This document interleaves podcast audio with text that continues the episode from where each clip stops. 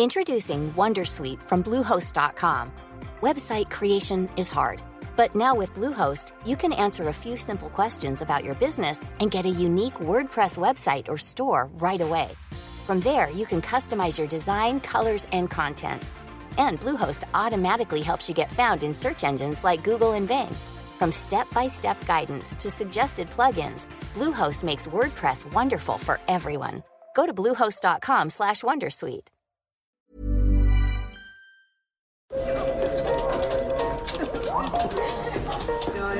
Dette er lyden av norsk næringsliv. Akkurat nå tas det små og store valg som kan bli avgjørende for fremtiden. Med økonomisystemet X-Leger tas disse beslutningene basert på informasjon i sanntid, slik at drømmer og ambisjoner kan bli virkelighet. Få kontroll og oversikt, gå inn på xledger.no. Denne sendingen er sponset av Xleger.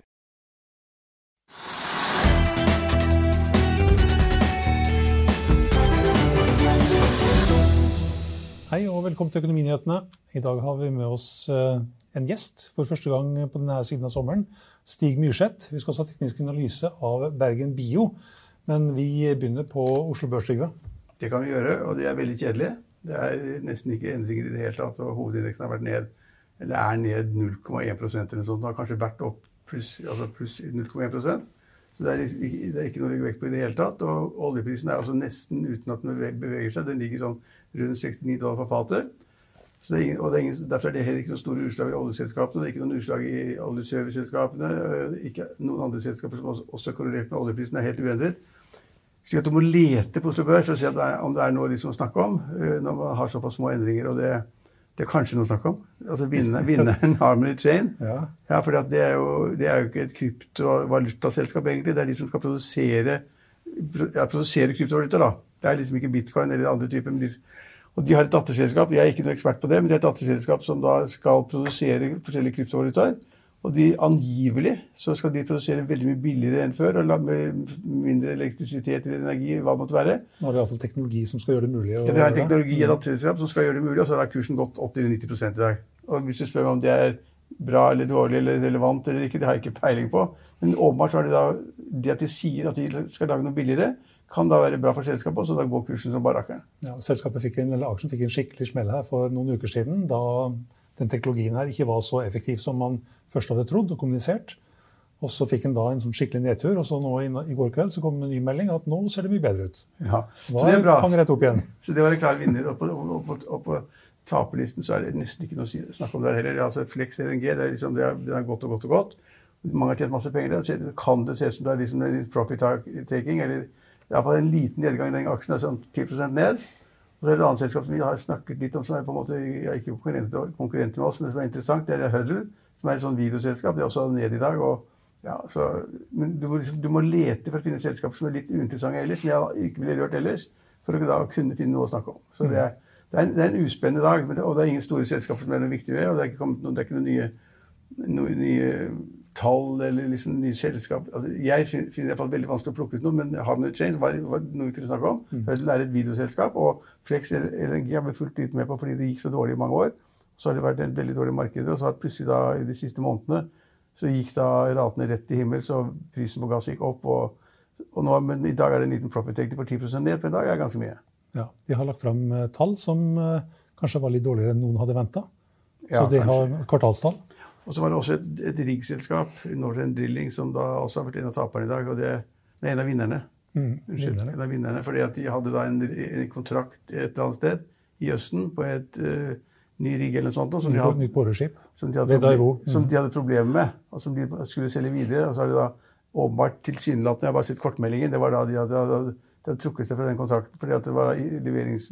At de, Riggen var ikke levert i tide, så de mente at de kunne trekke seg fra kontrakten. Og det, ville, og det var veldig bra for selskapet at de slapp å få denne riggen. Var Så har de betalt 90 millioner dollar da, på forskudd, som de da må prøve å få tilbake. som de må prøve tilbake. Det er ikke sikkert at det er så enkelt, vet du. Nei, det skal ikke være lett heller.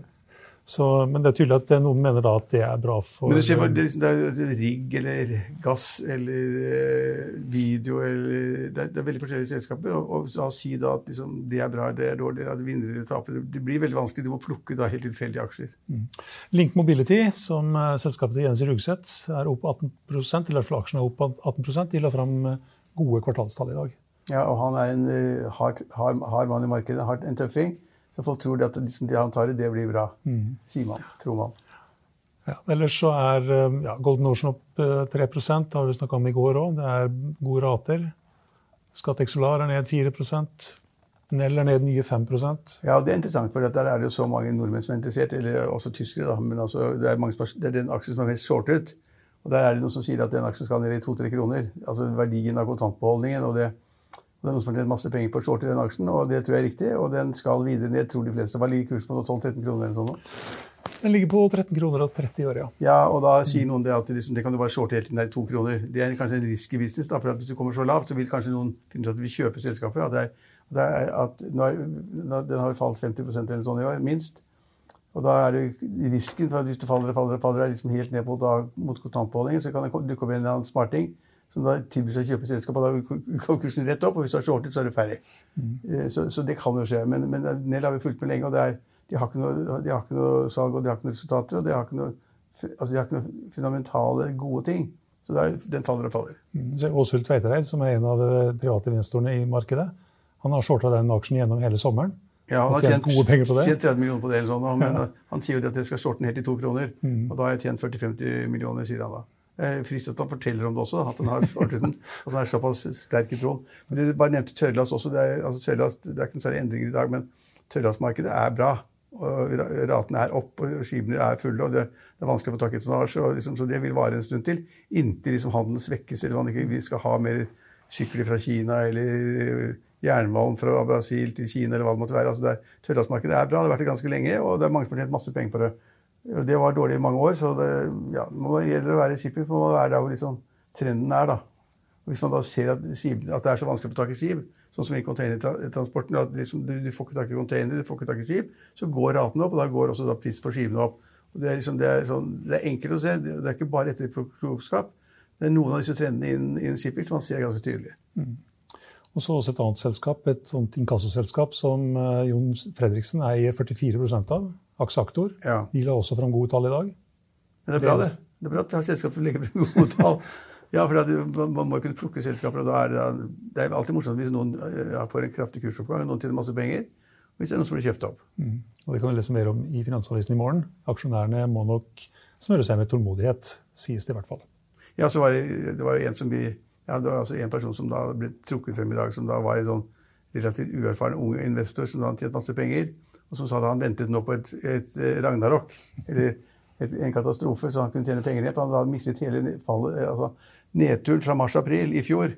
Hvor da liksom alle solgte i, i sjokktilstander og nervøse. nervøse. Og da, da, skulle han sitte og vente til kursen var falt, og så viste det seg at kursen falt ikke, det gikk jo rett opp, og det hadde han ikke drømt om. Så han, så han mistet hele den oppgangen som alle andre fikk, så han var veldig, veldig fornærmet da, fordi han ikke fikk den oppgangen. Det å, spekulere, men det å spekulere i det at markedet skal vare Hvis du først begynner på en nedtur, altså på 10-20-30 og det skal vare lenge, og så tar liksom kjøp den akkurat på bånn, det er liksom litt risky, kanskje.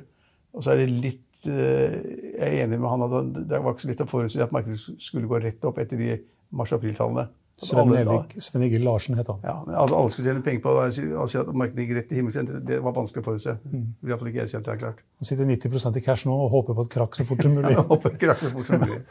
Ja, ja, ja, ja det, det, kan man forstå. Ja, det var vel um, det var vel det meste. Det har skjedd en del andre ting, men i hvert fall jeg det tror jeg var det viktigste. Det er ikke noe andre kjente selskaper her, tror jeg. Som det, er Men det som er interessant, nå, det er at i gamle dager, i gode gamle dager så kunne man jo alle selskapene utenat og alle navnene osv. Og, så og nå er det så mye nye selskaper at det er 50 nye selskaper på, på børsen i året. Og de halvparten kan man ikke historikk på i det hele tatt, og halvparten klarer man ikke navnet på engang. Iallfall ikke jeg. Så det er litt nye tider. da. Man må liksom plukke litt mer bevisst, og man kan ikke si at man kan alt. Det kunne vi i gamle dager. Eh, jeg ser at du skriver om eh, partilederdebatten i lederen din i Finansavisen i morgen. Ja.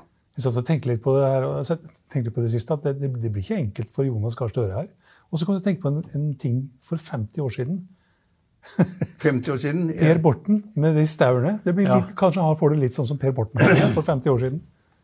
Ja, det var ganske gode bilder av han med staur og så videre, da hadde pressekorpset på besøk i underbuksa. Det er lenge siden. Men han, men han hadde vanskelig, det var staur den gangen, og det blir vanskelig nå. Altså, ikke, det er en lang sak og en stor sak, og alle så på da, eller mange så på da, eh, så på partilederen i går. Men å få da, altså, eh, så, å få Trygve Slagsvold Vedum og Audun Lysbakken til å bli venner etter nærmest slåss på TV, altså som ung, ungdoms... Kastet over hverandre og skrek, det, det, det, er ganske tøffe, det er ganske tøffe saker. da, og og, og Gahr Støre holdt seg jo litt på siden av den krangelen, men det er altså krangel, hvordan de skal lage et parti, altså en plattform, det heter det jo, for en ny regjering med da Lysbakken og, og Slagsvold Vedum og Støre og Rødt, Bjørnar Moxnes og Une Bass, Bastholm, ja. Ba- ja, Bastholm. De, lage en, en felles plattform for det, det tror jeg blir kjempevanskelig. Og Støre kommer til å ta livet av seg hvis Slagsvold Vedum og Lysbakken skal fighte på den måten videre. Det tror jeg de kommer til å gjøre, faktisk. Slagsvold Vedum viser aldri. Og Lysbakken skal vise at han er tøff i forhold til da Rødt og SV. Mange, mange interessante sider ved det greiene der. Det blir gøy framover, da. Ja, det blir gøy fremover. Ja, Det var det viktigste. Så fikk vi også litt eh, politikk. Etter en eh, liten pause, en gjennomgang av indekser, valuta og olje, så har vi med oss eh, Stig Myrseth i studio.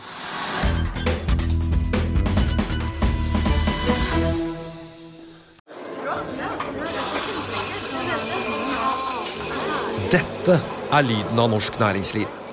Akkurat nå tas det små og store valg som kan bli avgjørende for fremtiden. Med økonomisystemet X-Ledger tas disse beslutningene basert på informasjon i samtid, slik at drømmer og ambisjoner kan bli virkelighet. Få kontroll og oversikt, gå inn på xledger.no. Denne episoden er sponset av van Brun, en fremtredende smykkeforhandler kjent for sitt brede utvalg av forlovelsesringer, gifteringer og diamantsmykker som bæres og elskes i generasjoner. Et frieri er en av de største øyeblikkene i livet, hvor forlovelsesringen er et tidløst symbol på kjærligheten. Valg av ring krever omtanke for både hvilket metall og diamant, med et bredt spekter av både naturlige og labdyrkede diamanter, og metaller som platina, gult gull, hvitt gull og roségull, hjelper de deg med å sette et personlig preg på din kjærlighetshistorie. Van Brun vil gjerne invitere deg til å prøve på tre av dine favorittringer fra nettsiden helt kostnadsfritt. Du kan også låne et bredt spekter av frieriringer, slik at du og din forlovede kan velge en ring sammen etter det store ja. Van Brun tilbyr 90 dagers åpent kjøp og 90 dagers gratis størrelsesjustering. Utforsk deres eksklusive sortiment i luksuriøse omgivelser. Bok en konsultasjon sammen med en diamantekspert i deres showroom i Oslo. Eller online på vanbrun.com. V-a-n-b-r-u-u-n.com. Ja, Da har vi med oss eh, Stig Myrseth i studio. Velkommen tilbake. Tusen takk. Mistel selv. Dovre forvaltning. Men det er, Dovre forvaltning, er, er det noe mer? Nei, det, det er ikke det. Selskapet er passivt og, og sovende, så nå bruker jeg tida mi på å sitte i investeringskomiteer og i styret i ulike selskaper i inn- og utland. I eh, vinter flytta jeg også til eh, sol og varme på Malta, så i disse lockdown-tider så, så føltes det godt ut. Eh, Men om Men bodde du da i Øst-Europa før du flyttet til varmen, eller var du her? Eh, Jeg bodde i, i Litauen, Ja. eh, Litauen tidligere, men i Litauen har det også vært eh, valg for eh, to år siden hvor man heva, heva skattene. Eh, og det, da selv ser jeg jo på skatt som en avgift du betaler for å motta offentlige tjenester i retur, som eh, vei og politi og skole og sånt. Og jeg fant iallfall ut at uh, i forhold til det jeg betalte i Litauen, og i forhold til det det offentlige ga tilbake, så, så ble det veldig, veldig dyrt. Så da var det Bø eller Malta? Da var det Bø eller, eh, eller Malta. Og Malta har jo ikke skatter i det hele tatt. Det? De har, eh, har iallfall et veldig annerledes eh, regime. Ofte er det jo sånn at eh, land, jo mindre landet er, jo bedre er skatteregimet. Så det minste landet i Europa er vel Monaco, og der er vel alt null. På, I Monaco er alt null. ja, Der får vi ikke selvangivelse der. Ja, i Malta, I Malta er det jo litt flere enn i Monaco, så der, der, der må du betale noe skatt. Men ikke, ikke litauiske nivåer. Men, men drev du Dovre, Dovrefondet fra Litauen? Ja, Ja, okay. det, det, det stemmer. Det, det stemmer, det. Det berømte innsidefondet, er det altså nedlagt, eller lever det? eller? Det, det er nedlagt. Okay, så, så alt, hele den forvalterdelen er nedlagt? Det stemmer. Det stemmer. Så en av de tingene som jeg har brukt litt tid på, selvsagt når det har vært i Sør-Europa, når du flytter til en plass, det er også å prøve å lære seg litt eh, om eh, regionen. Og en av de store investeringsmulighetene som jeg tror på makronivå, aktivaklasser, er eiendom i eh, Sør-Europa. F.eks. i Italia er jo boligprisene nå lavere enn for 15 år siden. I Italia? Eh, Italia. Ja. Mange vil si at Italia er uninvestable. for Da tenker man på mafia, korrupsjon, stor statsgjeld, Berlusconi. Men realiteten er at eh, ting har utvikla seg i positiv retning på mange områder. Så Italia som nasjon er ikke lenger en underskuddsnasjon. Privat sektor sparer mer enn det offentlige Eh, låne. Så eh, litt av problemet i Sør-Europa har faktisk vært at husholdningene har vært veldig forsiktige, spart veldig mye. Bankene har vært veldig forsiktige, lånt ut veldig lite. Når alle er forsiktige, da er det vanskelig å få en boom i boligmarkedet, som vi har fått her i Nord-Europa. Så verdsettelsen av eiendom, både næring og boligeiendom, er jevnt over lav i Sør-Europa. Og så har vi hatt noe som heter korona og under korona har vi hatt hjemmekontor, mange av oss. Og så er det mange som har funnet ut at uh, work from home det kan også bety work from anywhere. Så hvis du snakker med IT-folk, jeg snakka med mange IT-folk da jeg jobba eller var rådgiver for uh, Opera, internettselskapet Opera. og de vil egentlig, IT-folk jevnt over vil egentlig aldri tilbake til kontoret. De vil på vinterstid kanskje jobbe i Barcelona på sommerstid så eh, kommer de nordover i de to månedene hvor det er fint, fint eh, her i nord. Så jeg tror også at det vil bidra til eh, en positiv utvikling i økonomien men, men, men, og i boligmarkedet. Vi ser det poenget i, i Sør-Europa, kanskje Italia osv., men det er jo veldig mange nordmenn som har brent seg da i Tyskland til og med. Og ja. i Øst-Europa i sånne Kjøpte masse eiendom, kjøpte kjøpesentre og kjøpte mye rart. Og så har, har det vært katastrofe altså i Tyskland å få tjene penger på det. Mange, ja. mange har kjøpt masse så, så, Og så har man sittet i Norge og sett at de som har investert i Bjørvika eller Barcode eller i Vika eller i Tjuvholmen eller altså hvor som helst, hele landet, er blitt stenrike på da oppgangen i, i næringseiendomsmarkedet. Og alle, enhver altså, en person i Norge kunne tjent masse penger i, i, boligmarkedet. Så hvorfor skal du da liksom begynne å rote i, i Tyskland og Øst-Europa eller Italia eller Syklene i eiendom er jo ofte veldig mye lenger enn eh, f.eks. I, i shipping. Uh, syklene, altså I Norge har jo boligprisene nå steget med 10% i året i 20 år. Uh, det er vanskelig å, å slå det. Uh, spørsmålet er jo hvor lenge den ja. veksttakten kommer til å fortsette. og Hvis du ser på norske husholdninger nå og gjeldsnivået der, og i forhold til inntekter, i forhold til leienivået, så er kanskje min antakelse at du begynner å Iallfall du vil ikke se 10% i året eh, framover. Det har du sagt i 10-15 år. vet du, Det er det som er så ja. Finanstilsynet og Norges Bank og mange andre kommentatorer som har skremt med de samme gjeldsgreiene nå i, i hvert fall 10-15 år. Ja. Igjen, i, i eiendom er jo syklene veldig lange. og det er jo et problem ikke sant, hvis du er for tidlig ute. ikke sant? Da det er kjedelig å sitte der i to år, i tre år, og alle, alle tjener penger i, på eiendom i Oslo, og dine verdier er stagnante. Og sånn, sånn, og, sånn, har det jo egentlig vært i, i Sør-Europa. Altså, siden finanskrisa har det jo vært i beste fall stagnant. Prisene har vært eh, flate, ofte har de vært eh, nedgående. Men nå vil jeg tippe at etter 10-15 eh, år med med flat til fallende utvikling, så er det god value uh, der. Og finansene ser bedre ut. Statsfinansene er jo fortsatt jevnt over dårlig i regionen, men privat sektor er finansielt sterk. Så hvis du ser på den gjennomsnittlige italienske husholdninga, så er den rikere enn den gjennomsnittlige tyske husholdninga. Hvis du ser på den italienske stat, så er den fattigere. Så um, det er jo én mulighet på makronivå. Uh, samtidig så skal man jo passe seg for å bli lurt. ikke sant? Jo lenger man er hjemmefra, og jo fjernere kultur det Jeg skulle til å si det, altså hvis, du da kjøper, hvis du da kjøper fem sånne boligblokker med ti leiligheter i hver, ikke sant? og så, blir det litt dårlige tider, og så begynner du å se på jussen, så kan du ikke italiensk juss rett som særlig. ikke sant? Og så Istedenfor at du får penger, så får du en kule i hodet, eller du får bli slått ned, eller Jeg kan ikke noen ting, altså, men det kan Eller så ligger det sånn til at plutselig kommer det en flom, og så bare tar med seg alle sammen. ja. Men det er litt skummelt med jussen også. Liksom, Utleierettigheter og eierrettigheter. og Det er liksom skummelt. Det er jo til og med i, på Kanarien i Spania så er det folk som eier eiendom, og som da folk flytter inn i. Altså Hvis det står tomt og vinter, så flytter folk inn, og så overtar de huset ditt. Det er, og det er, det er i Spania mm. ja. og Kanaria. også. Det er jo et poeng at som du var inne på, så lenger unna man er fra Norge, vanskeligere er det å følge jussen og reglene og spillereglene og tjene penger. Ja. Det blir vanskelig, da. Ja, Hva skjer hvis du tjener penger? Tar de hele profiten ditt? Tar de halvparten, eller tar de kan, kan du saldere det mot underskudd? Det er vel gevinstbeskatning på boliggevinster i ja, mange, mange, av disse søreuropeiske landene har jo høye skatter og mye, mye byråkrati. Altså Italia, Frankrike, Spania. Eh, selv, selv, kjenner jeg Malta best, eh, hvor jeg bor. Det er basert på, på engelsk lov. Eh, der er det iallfall lettere å forholde seg til. og det er også mye enklere når du ikke trenger tolk eller Google Translate på kjøpskontrakten, men du kan lese sjøl, og du vet, vet, hva du skriver under på. Så du er fullt investert på Malta du nå?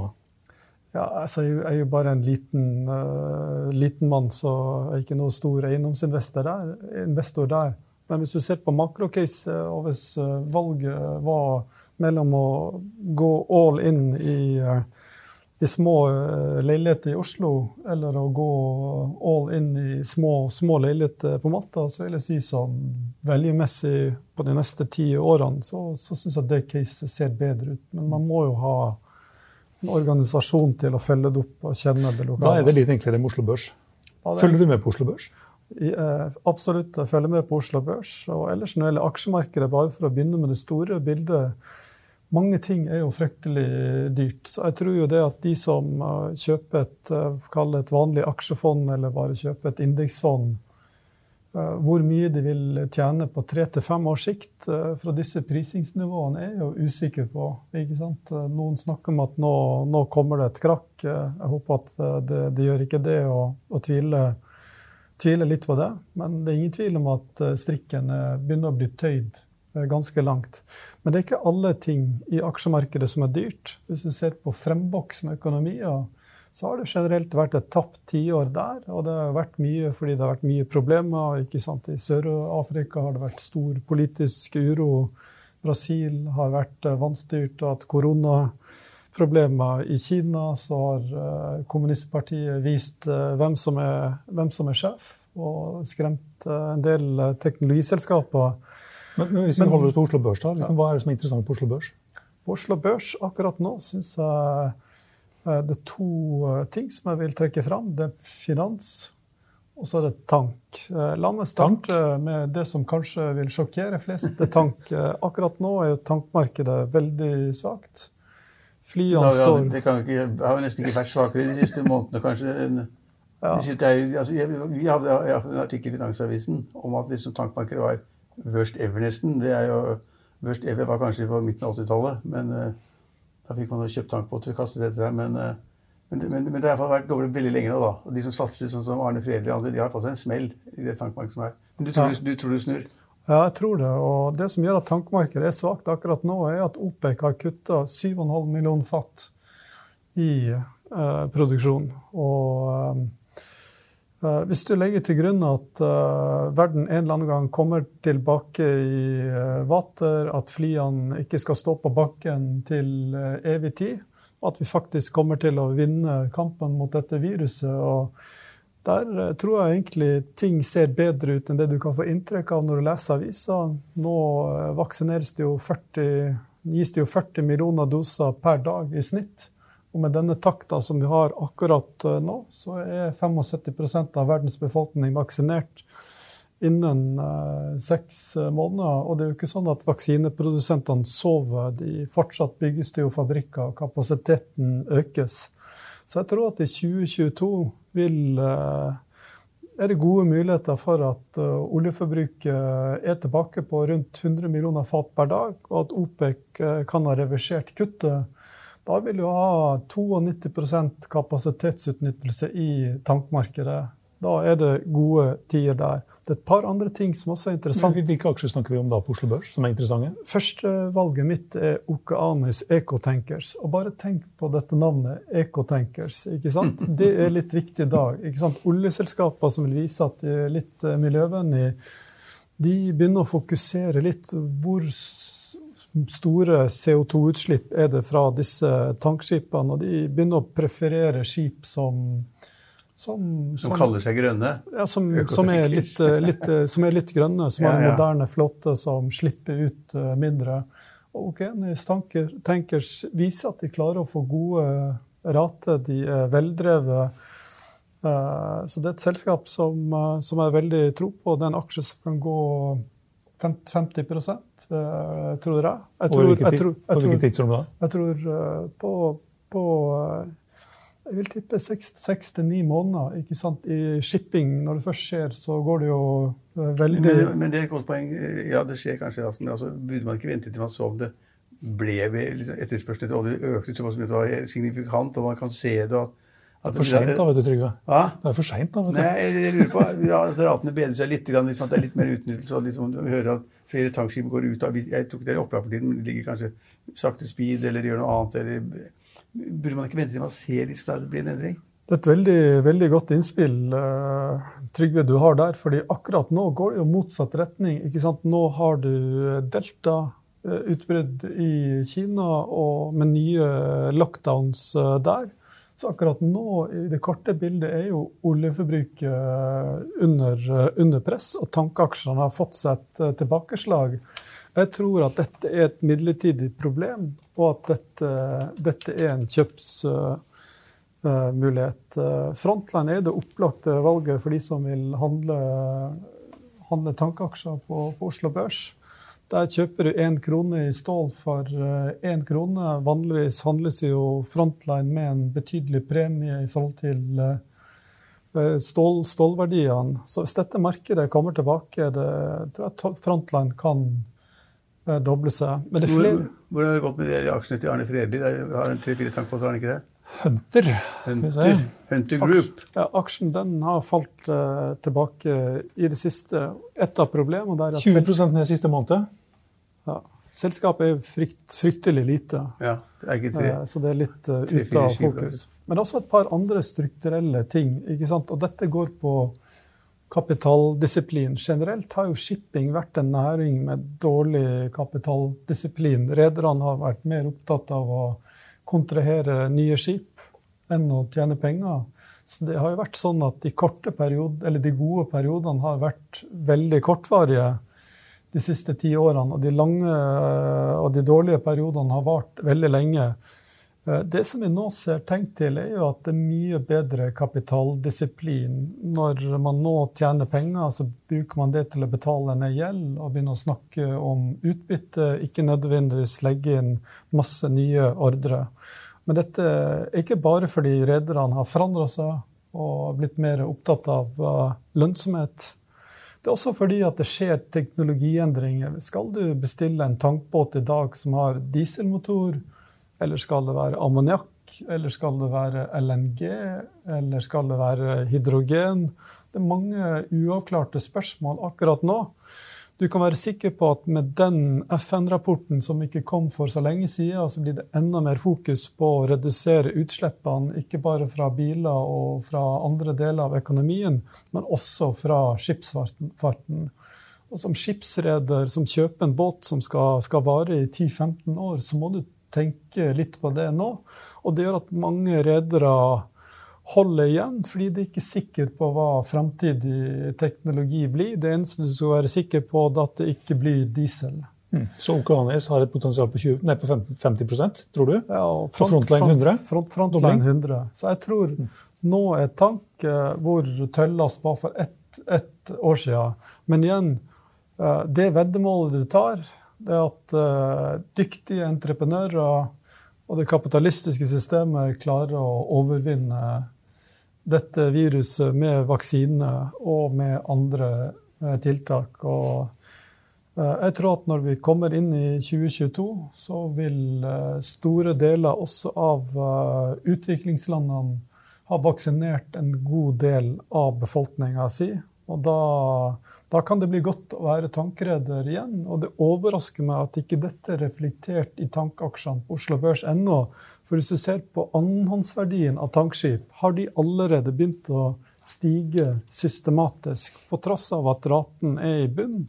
Og det er jo fordi at man ser at her eh, her eh, kommer sannsynligvis fremtida til å bli bedre. Nå er det også sånn at Vi går inn i den tradisjonelt sterkeste sesongen i tankmarker, altså fra september og utover og vinteren, når vi bruker uh, mer olje. Jeg tror nok likevel at deltaviruset vil gjøre litt endring. Det som, jeg ikke, det som jeg er usikker på, skal du kjøpe Frontline i dag? Eller skal du vente en måned?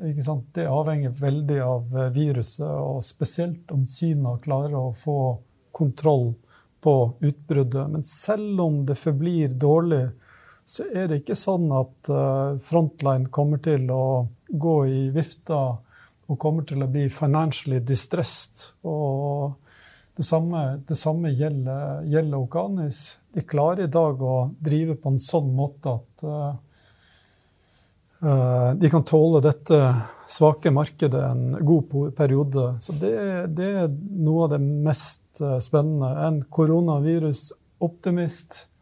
uh, ja, akkurat nå går vi bare nedover. Altså, ja. Man trodde man var kommet over på den sikre siden, så går det litt dårligere enten det er Italia eller Frankrike eller Portugal eller Spania. eller You name it. Det går litt dårlig alle stedene. Ja, Men i den industrialiserte verden, i de rike landene, så er det sånn at selv om smittetallene går opp, så er det veldig lite restriktive tiltak. F.eks. i USA, i, i Storbritannia. Det skyldes jo det at sykehusene er ikke under press. Problemet er i land som Kina. ikke sant? Der uh, lider oljeetterspørselen akkurat nå, fordi folk reiser ikke med fly lenger, og folk kan ikke reise. De fleste flyene i verden står på bakken. Så det er litt, ja.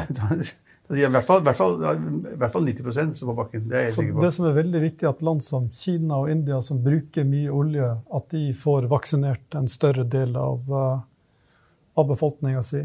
Tiden flyr i hvert fall. Eh, du nevnte finans. Ja, jeg syns eh, et annet superspennende case er Storebrand. Eh, det er kanskje den beste inflasjonshedgen på Oslo Børs. Eh, Storebrand-aksjen korrelerer jo veldig tett med tiårig amerikansk eh, statsrente. Den steg jo litt tidligere år, og så nå har den kommet, kommet tilbake ned igjen. Og litt av grunnen til at renta er der den er, er nok fordi at den amerikanske sentralbanken kjøper veldig store mengder lange gjeldspapirer som en del av stimulanseprogrammet. Men nå har jo sentralbanken sagt at uh, vi skal trappe ned disse obligasjonskjøpene. Og økonomien ser jo også bra ut. Nå kommer det infrastrukturpakke, amerikanske politikere de som, de som bor i Amerika, de er finansfolk eller meglere eller forvaltere eller tradere, de, har, de, de kan alltid samme resonnementet som oss. Vi ser at den tiåringen går ned i 1-2 eller 1-1, og så var den liksom 1-4 for en uke siden. Ser du at ja. den faller som en stein. Ja. Det er, det er, en grunn til det. sitter én million siviløkonomer der og, og, og, lager analyser og kalkyler, og så ser de at et eller annet skjer her, og så går langrenten rett ned. Ja. Er ikke det skummelt, da? Ja, det er veldig vanskelig med sånne makrocases ja, på valutakurs og renteutviklinger. Det skal man ha. Vi fikk jo svake nøkkeltall fra Kina, og vi fikk f.eks. Consumer Conference, altså forbrukertillit fra USA for august. Ja. var liksom rett ned. Laveste siden 2011. Samtidig er økonomien knallsterk. Prisstigninga er, er, høy. Alle tror, er sikre på at dette er et, et blaff. Men amerikanske husholdninger har så mye penger på konto som de etter hvert kan uh, bruke på, på, ting og tang, uh, hvis de vil det. At uh, jeg tror konjunkturene vil være sterke fremover. Hovedrisikoen er kanskje viruset. ikke sant? Men du vet, du vet hvilken investor som elsker det du sier om Storbrann? Ja. Hvem er det? Sissener. ja, det, ja, det, har vært hans case i ti år. Ja. Eller fem. Jeg er ikke sikker. Noe sånt. ja. Altså, altså, hvis, du på, hvis, du tror at Norges Bank skal heve eh, renta, hvis du tror at eh, langrenten etter hvert må begynne å stige for å reflektere en økonomi som vokser med 5% i året, 3-4-5 eh, prisstigning, så er Storbrann en kjempespennende aksje. Selskapet har også rydda opp, er veldrevet i dag. Kan etter hvert bli en veldig god utbytteaksje. Storebrand er jo også en oppkjøpskandidat. Det skal vi heller ikke glemme. Det er ikke så lett å se hvem som skulle kjøpe Storebrand, men det er jo alltid sånn at når eh, selskaper tjener mye penger, aksjekurser høye, alle optimistiske, da blir det mer M&A. Så det å fokusere på oppkjøpskandidater også tror jeg kan være fornuftig. Og da har du Storebrand. Eh, Norske Skog er jo også et selskap som har en åpen eh, eierside og et par andre selskaper. Så oppkjøpskandidater er et annet tema. Ellers innenfor finans så vil jeg også anbefale å følge med på DNB og de største sparebankene. Eh, når du nå snakker med banksjefene og hører på kvartalspresentasjonen dem, så har vel de knapt aldri vært så fornøyd noen gang. De er ferdig med å bygge soliditeten. De har en egenkapitalrentabilitet på 11-12 tjener godt uh, med penger. Nå begynner økonomien å ta seg opp. Næringslivet kommer snart til å låne mer penger, og på næringslivslån er det mye høyere margin uh, enn, på, enn, på, boliglån. Uh, du får gode utbytter i en situasjon med null i rente på, på bank og minimale obligasjonsrenter så tror jeg fortsatt det er rom for å uh, få uh, reprising av sektoren i tillegg til løpende utbytteavkastning. Så det er en, det er en kjedelig sektor. Hva var det DNB tjente i annet kvartal? Uff, 6-7 milliarder, var det? Ja, jeg trodde det var 80. jeg tenkte etter skatt. 8 etter skatt. Jeg, jeg, jeg, jeg, jeg, jeg, jeg, jeg, Det blir ganske mye penger på årsbasis. Ja, så dette kommer nok til å Det er vanskelig å spå langt fram i, i tida, men at det neste, neste år, de neste tolv månedene, blir, blir, bra i bank, det kan det være ganske Men har, men har ikke folk sett på, Er ikke det diskontert i kursen? Har ikke folk som regnet på det for lenge siden? Spar, alle sparebankene og DNB og sånn. De har regnet igjennom om og om og om. Altså. Så kanskje de er tatt ut? Nei, ikke ennå. Ikke ennå, føler jeg. Fortsatt så, så, så er det mer å, å, å, å gå på. Så jeg forventer Altså Litt sånn som eiendom, hvor det har vært en yield-kompresjon etter hvert som renta har kommet ned, så ser jeg fortsatt rom for yield-kompresjon i de største sparebankene og DNB. Jeg ville vært forsiktig med de mindre bankene, fordi skalafordelene øker i bank med nye IT-systemer, og konkurransen er jo jevnt over eh, over økende. Men jeg tror ikke du kan gjøre mye galt ved å plassere i bank. Og så er spørsmålet hva skal man være forsiktig med på Oslo Børs? Og det som er alltid et varsko, det er også mye emisjonsaktivitet i en bransje. Det er ofte et symptom på at uh, aksjekursene er høye, så høye til at uh, smarte penger, industrielle investorer, fristes til en til en exit. Endelig kan de selge seg ut. Eh, og det er også sånn at høy emisjonsaktivitet skaper jo et vedvarende salgspress. Så en av de eh, sektorene som vi har sett mye emisjonsaktivitet, er jo teknologisektoren. Og mange teknologiselskaper synes jeg er høyt eh, priser. Og jeg tror også at aksjemarkedet i større grad vil begynne å differensiere mellom teknologiselskaper. Du har selskaper som produserer eh, mikroprosessorer, 5G-utstyr. Dette, dette, er bra, og dette er noe som bidrar positivt til økonomien. Men eh, så har du sosiale medier, Facebook, Instagram man ser at stadig flere ungdommer får mentale problemer, spesielt, eh, spesielt eh, jenter, og mange linker dette til sosiale, sosiale, nå medier. Nå begynner vi å komme litt ut på vidden, i hvert fall hvis vi snakker om Oslo Børs. Ja, ikke sant. Men, men, jeg tror i hvert fall, hvis du ser på de amerikanske, så, så tror jeg liksom en del av de selskapene kan være short-kandidater i uh, sosiale medier. Jeg ville vært forsiktig med å Men Plutselig så kommer melding om at de har tjent 50 millioner mer eller 50% mer i siste kvartal. Eller, de, får, de, får, de, tjener så mye penger at det, liksom, det er nesten helt umulig å forstå.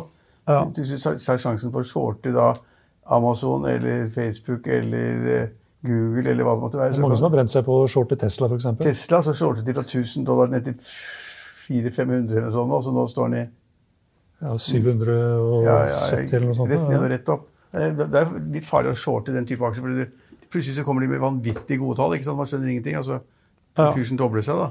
Ja. 665. Ja. På Oslo Børs har det vært en eksplosjon i antall grønne selskaper. og Mange av de ser jo veldig høyt vurdert ut, og mange har jo ikke validerte forretningsmodeller som har vist at de er i stand til å skaffe kunder og, og tjene penger. Jeg har et veldig sånn uh, bipolart syn på, på, på, grønne selskaper.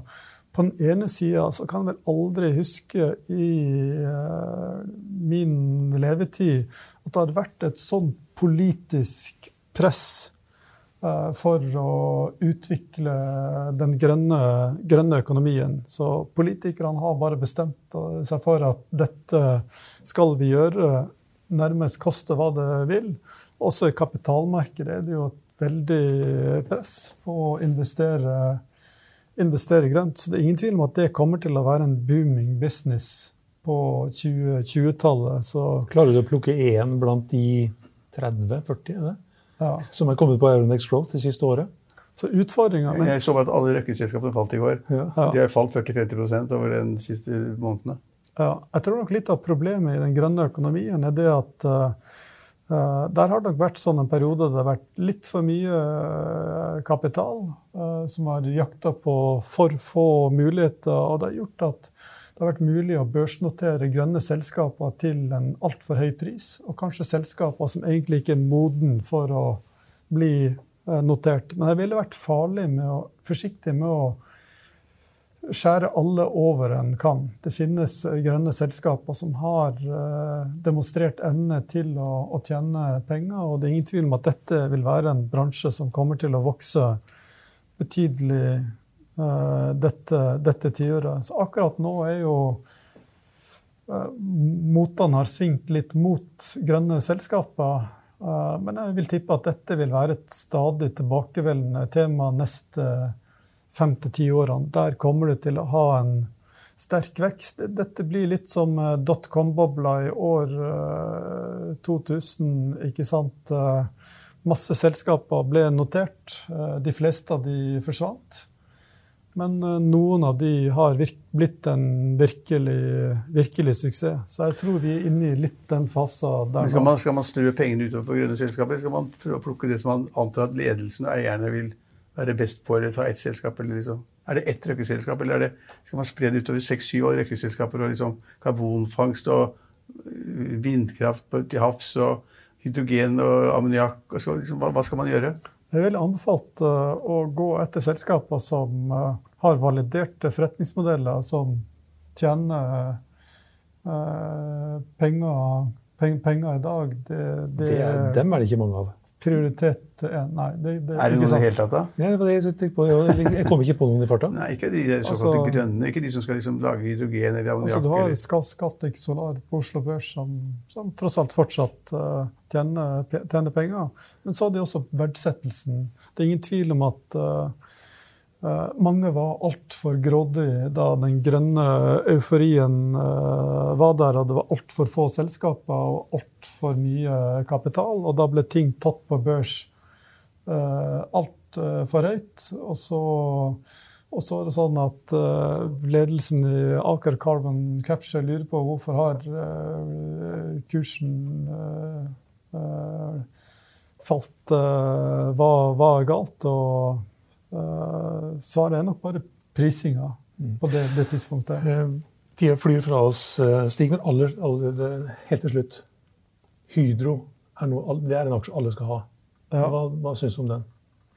Jeg syns den, den, er interessant. Altså, ofte er det sånn når du skal velge sektor, at det kan lønne seg å følge med på emisjonsaktivitet. Har du høy emisjonsaktivitet i en sektor, da er det ofte dyrt og et varsko.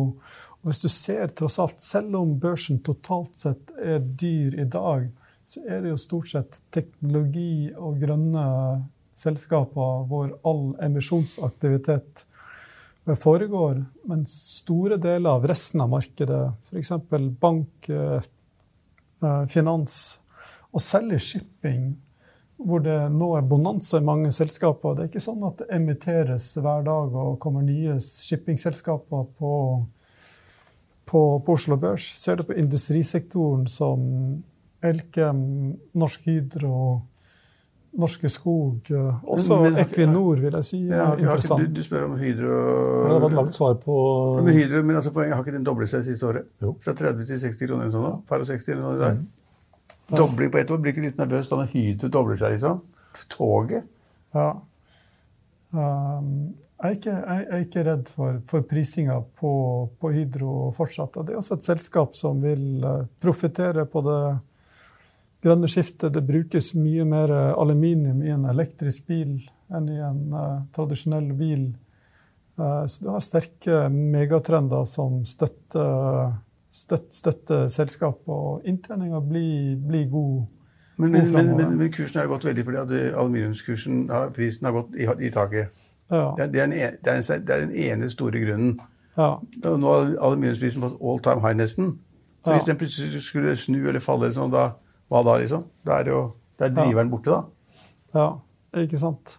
Jeg tror jo råvaremarkedet vil forbi stramt uh, utover dette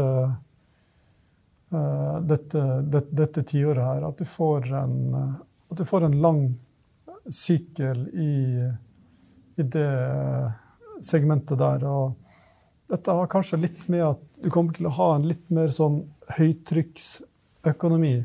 Det som var problemet med 2010-tallet, var jo det at veksten var ganske anemisk.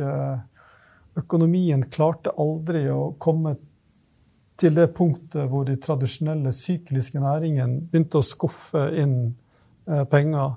Nå ser man at politikerne eh, eh, og myndighetene er mye mer komfortable med å la økonomien gå varm. Det er ikke snakk om å ha noe preventive rentehevninger. Økonomien i USA er knallsterk. Federal Reserve kommer ikke til å heve rente. Så jeg tror vi generelt har et godt klima for uh, sykliske selskaper. Men igjen, da er du litt inne på dette med ikke sant, Nå i Hydro er jo spørsmålet litt Nå er Hydro i en høstingsfase. Hvor mye kommer de til å tjene? Hvor mye blir utbyttene framover? Hvor lenge kommer dette til å vare? Det blir spørsmålet. Litt sånn som med tørrbulk. Blir sykkelen lang, eller blir sykkelen kort? Blir den kort, så kom, ønsker de å selge Hydro. Kort svar til slutt. Ja, derfor liker jeg jo tank. Mm. ikke sant? Ja. Der er veldig lite Men staten er jo halvparten i Hydro, ja. gjør den ikke det? Fortsatt over 50 er det ikke det? Ja, og, og Trygve Slagsvold Vedum han skulle ha enda mer, var det ikke så? Ja, skulle, De skulle kjøpe det opp til 51. Eier 34 i Hydro? De, de, er, de, er, på 30 og så skal han kjøpe opp til 51. Ja. 20 milliarder. Ja. Det var iallfall de, av de aksjene du har nevnt.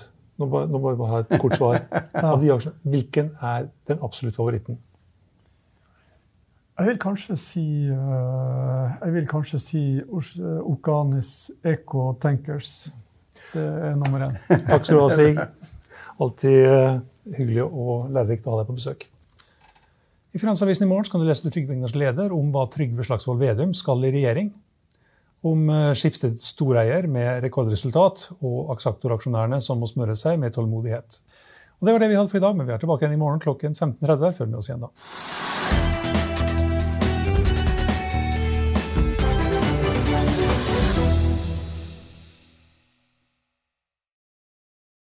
Denne sendingen er sponset av Xleger. Økonominyhetene er en podkast og videoproduksjon fra Finansavisen. Programleder er Marius Lorentzen. Aksjekommentator er Karl Johan Molnes. Produsent er Bashar Johar. Podkast- og videoansvarlig er Marius Mørk Larsen. Og ansvarlig redaktør er Trygve Hegnar.